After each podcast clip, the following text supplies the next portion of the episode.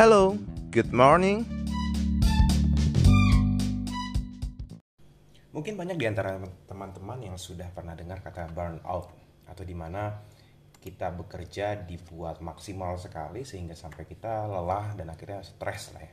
Dan banyak di antara kita yang mencari jalan adalah berlibur ataupun mengganti pekerjaan yang lain. Biasanya masuknya adalah mental overload ya, mental overload di mana di dunia pekerjaan kita terlalu banyak mengerjakan sesuatu dan banyak hal lagi. Nah, tapi hari ini aku mau membahas sebuah kalimat yang sebenarnya gue temukan dari beberapa hari yang lalu, yaitu adalah namanya burnout. Burnout itu adalah sebuah kebalikan dari yang namanya burnout, di mana burnout itu sendiri adalah sebuah mental, penyakit mental yang terjadi, di mana um, kalau burnout itu kelelahan, kalau burnout itu merasa mereka bosan, atau mereka dituntut bekerja di luar dari sebenarnya potensial yang bisa dia berikan. Harusnya mereka mengerjakan pekerjaan yang lebih penting, lebih berguna, lebih luas, lebih besar, lebih keras dan lainnya. Nah, teori burnout ini sebenarnya udah pernah digaungkan atau ditemukan atau dikembangkan di tahun 2007. Jadi udah lama banget ya oleh Philip Rotlin dan Peter Wilder.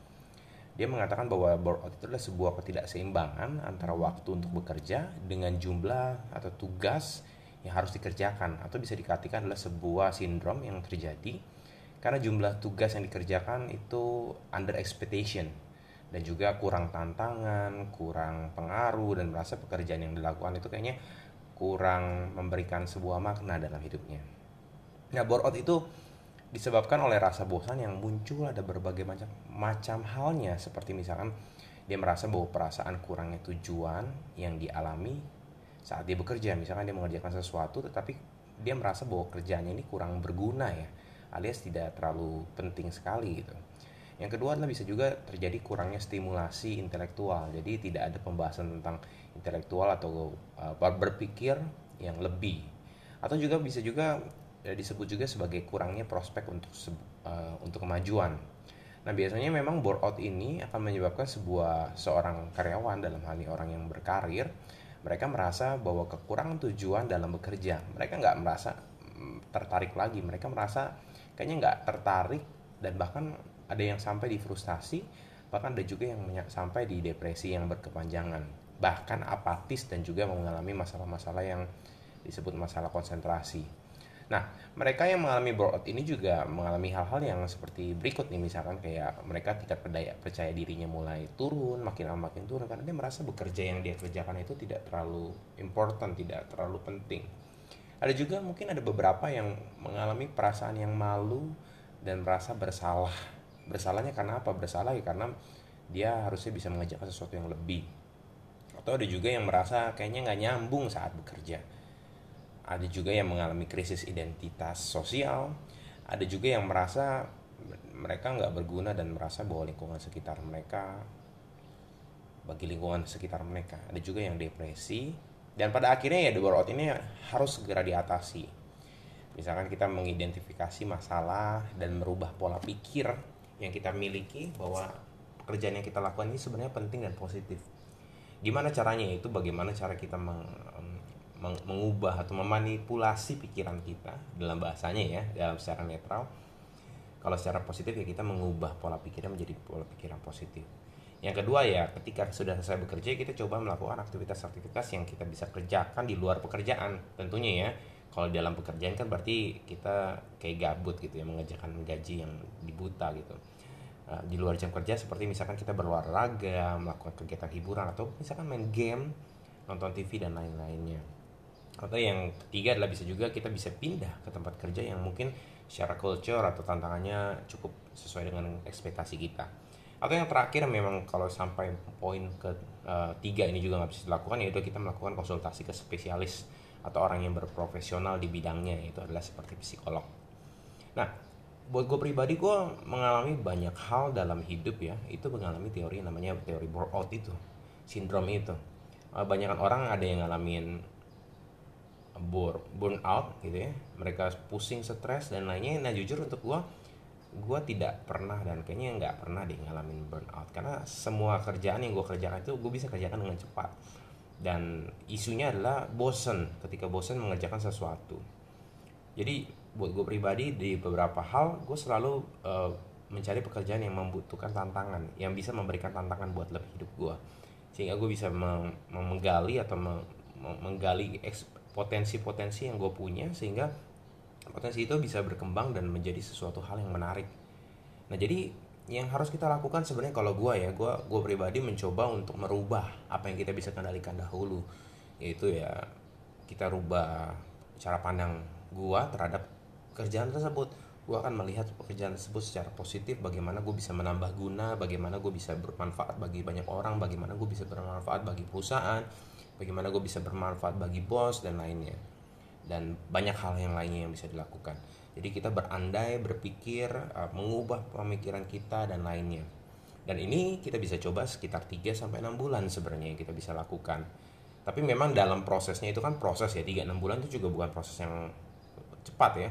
3 6 bulan kita akan mengalami masa-masa sulit yang mungkin ya jika kita bisa mengatasinya akhirnya masalahnya akan bisa terselesaikan. Tetapi jika misalkan kita nggak bisa menyelesaikannya dan hal tersebut bisa terjadi sama seperti yang sebelumnya, kita harus masuk ke level yang berikutnya. Yang ketiga yaitu adalah pindah pekerjaan yang baru. Sekarang ada banyak aplikasi-aplikasi dan um, yang bisa kita gunakan untuk mendapatkan pekerjaan yang baru yang sesuai dengan tantangan kita. Tetapi ya kembali lagi tidak ada yang ideal sampai saat ini ya. Jadi itu tentunya tidak ideal. Mengganti pekerjaan itu tidak semudah kita beli sesuatu gitu yang di Alfamart. Jadi memang prosesnya juga sulit apalagi kalau misalkan kita bosan terhadap uh, pekerjaan kita job desk kita yang ada misalkan di bagian administrasi atau operasional atau sales yang kita mau pindah bagian pindah industri dan lain tentunya itu akan menjadi sesuatu hal yang akan lebih sulit. Dan teori itu ya benar apa adanya. Jadi memang proses itu akan menyusahkan bagi sebagian besar orang dan kalau dalam prosesnya itu kita tetap mencari dan tidak dapat ya mau nggak mau kita stay ya. Dan terus mencari sampai dapat.